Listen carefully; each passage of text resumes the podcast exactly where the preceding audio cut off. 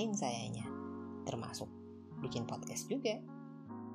Jadi eh, sebulan lalu saya demam, digawe dengan mata tuh kayak ada yang ganjel di malam sebelumnya udah dibersihin sih pakai airin sedikit ditetesin tetes mata tapi masih tetap gak enak dan besoknya saya demam saya minumin paracetamol istirahat plus minum air putih yang banyak keesokan harinya demamnya berkurang perlahan. Selama beberapa hari badan saya masih nggak stabil sesak napas sumeng hari gini serem lah ya. Tiga hari kemudian uh, saya tes swab antigen alhamdulillah hasilnya negatif. Mulai tenang nih. Tapi kondisinya nggak berubah akhirnya setelah seminggu saya nyerah pergilah saya ke dokter sama dokter selain dikasih obat disuruh tes darah karena curiga tipes dan swab antigen sekali lagi. Menurut dokter, swab saya yang pertama percuma karena si virus baru bisa terdeteksi minimal 5 sampai 7 hari setelah demam. Jadi ingat ya teman-teman ya, kalau baru 3 hari demam, jangan langsung tes karena belum cukup masa inkubasinya si COVID. Masih nunggu 5 hari minimal biar nggak buang-buang uang kayak saya. Saya dikasih obat mah juga. Emang masih saya punya GERD yang suka kambuh. Tapi biasanya kalau si GERD kambuh tuh mual kembung gitu bukan sesak napas. Nah rupanya penjelasannya dikhawatirkan asam lambung saya kali ini telah naik hingga mendorong diafragma dan menutup saluran pernafasan. Tapi ya untuk lebih pastinya saya mesti tes swab. Dan hasilnya, tes swab saya yang kedua di tempat yang menurut dokter lebih dapat dipercaya tetap negatif. Alhamdulillah, lega banget rasanya. Cuma tipe saya positif. Jadi saya positif tipes dan GERD. Perjalanan masih panjang, saudara-saudara. Nah, siangnya nih saya periksa darah, malamnya gantian anak saya yang demam. 39 derajat nggak turun-turun meski udah saya kasih paracetamol. Ya panik dong ya. Semalaman saya nggak bisa tidur, sibuk jagain anak yang suhu tubuhnya bertahan kayak juara aja. Akhirnya paginya kita ke dokter. Saya minta obat tipes sekaligus periksain anak saya. Begitu lihat kondisi anak saya, dokter langsung curiga dia demam berdarah. Dikasih antibiotik, paracetamol dosis tinggi, sama disuruh periksa darah. Malam kedua nih, kembali saya nggak bisa tidur. Kembali panas anak saya bertahan meski sudah dikasih obat dokter. Buat kamu ini yang pernah sakit tipes, mungkin tahu bahwa untuk bisa cepat sembuh, penderita sakit tipes harus banyak istirahat. Kalau bisa malah bed rest. Lah kali ini saya boro-boro bed rest. Bisa tidur aja udah mewah rasanya. Akhirnya paginya saya kabarin dokter. Saya kasih tahu tuh kalau paracetamolnya nggak mempan. Nah, beliau nyuruh saya bawa anak saya untuk periksa darah pagi itu juga. Keputusan yang kurang tepat sebenarnya karena di pagi hari ternyata lab klinik penuh saudara-saudara. Anak saya sampai teler ketiduran gara-gara nunggu giliran.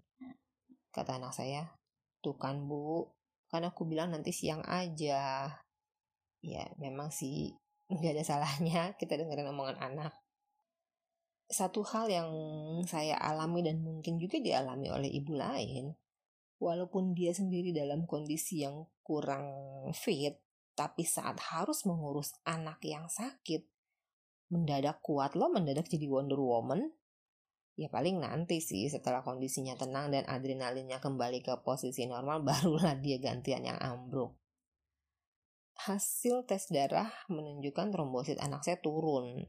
Jelas indikasi demam berdarah. Sekitar 7 atau 8 tahun lalu pernah juga dia demam berdarah. Waktu itu langsung saya bawa ke IGD rumah sakit dan langsung rawat inap. Tapi dalam kondisi sekarang, rumah sakit penuh sesak dengan penderita COVID. Eh jelas aja itu bukan pilihan terbaik. Dokter juga menganjurkan untuk rawat di rumah aja Dan ini menjadi PR besar bagi saya sang ibu. Demam berdarah itu salah satu penyakit yang walaupun umurnya udah lumayan tua, tapi tidak ada obatnya. Dia akan sembuh dengan sendirinya setelah melewati tiga fase, yaitu demam, kritis, dan penyembuhan. Nah, biasanya yang diobatin itu gejala penyertanya aja seperti panas tinggi yang bisa 39 sampai 40, mual, muntah, batuk, nyeri. Sama dijaga nih supaya si pasien uh, tetap terhidrasi. Tidak boleh sampai kekurangan cairan. Kalau di rumah sakit, sebagian masalah ini tertangani dengan bantuan infus. Dengan infus si pasien tetap terhidrasi, mualnya juga nggak terlalu parah. Itu sebabnya waktu itu anak saya hanya menginap dua malam di rumah sakit karena cairan tubuhnya terjaga, terhindar dari mual dan selera makannya juga masih ada walaupun berkurang. Sekali ini demamnya sendiri lebih dari tiga hari. Jadi eh, tiga malam saya harus ngawasin jangan sampai demamnya terlalu tinggi karena paracetamol dosis tingginya dicuekin sama si virus. Maka uh, saya mencoba cara lama, kompres. Walaupun nggak nurunin demamnya, tapi at least jadi sedikit lebih tenang karena uh, panasnya si badan ketemu kain kompres yang suam-suam kuku.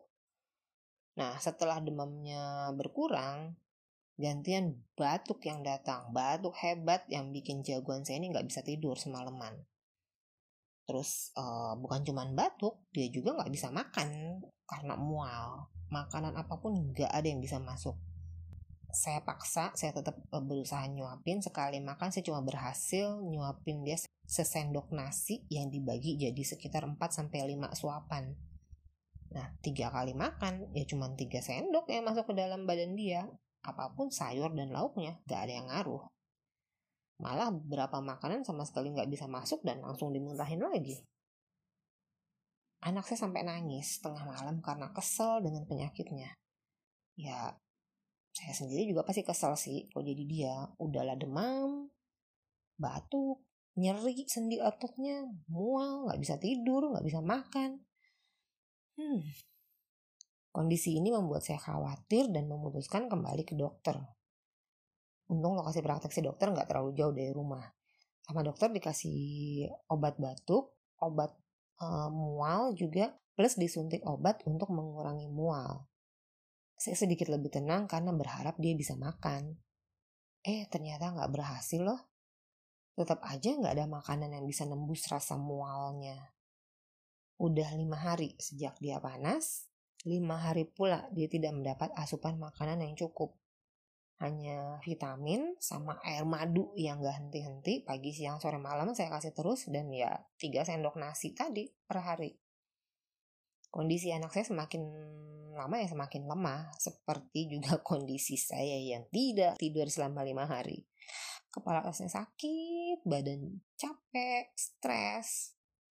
Nah kakak saya melihat kondisi keponakannya merasa khawatir dan mengajak saya untuk ke rumah sakit Walaupun sempat ragu, akhirnya berangkatlah kita ke RSAB dengan harapan rumah sakit ini tidak menerima pasien COVID. Kami berangkat pakai taksi online, turun di lobi karena ternyata lokasi IGD-nya pindah. Jadi kita tanya dulu nih ke petugas. Ternyata lokasi IGD yang baru lumayan jauh, sehingga kita mesti jalan dengan kondisi anak saya yang udah lemes lunglai gitu. Sesampai di pintu IGD, kami disambut oleh security yang menyampaikan bahwa kami tidak bisa masuk kecuali sudah membawa hasil swab. Saya tanya, di mana saya harus tes swab supaya bisa masuk? Dijawab oleh security di laboratorium. Dan karena saya sudah bolak-balik ke rumah sakit ini sejak anak saya bayi, saya tahu persis betapa jauh posisi lab dengan IGD yang baru ini. Kalau saya paksa anak saya untuk jalan ke lab, udah pasti pingsan dia. Akhirnya kami memutuskan untuk pulang lagi sambil menghujani anak saya dengan segudang nasihat. Intinya harus mau makan biar bisa sembuh. Singkat cerita, masih butuh hampir dua minggu lagi untuk anak saya melewati masa krisis hingga akhirnya sembuh total dengan nilai trombosit kembali di posisi normal. Perjuangan yang sungguh sangat panjang dan melelahkan.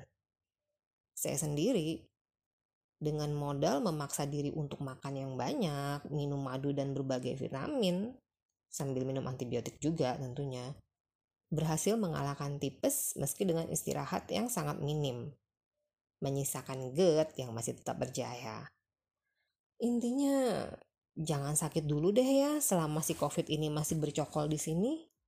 Bayangin, dalam kondisi normal dengan bantuan infus, DBD bisa selesai dalam waktu tiga hari maksimal seminggu.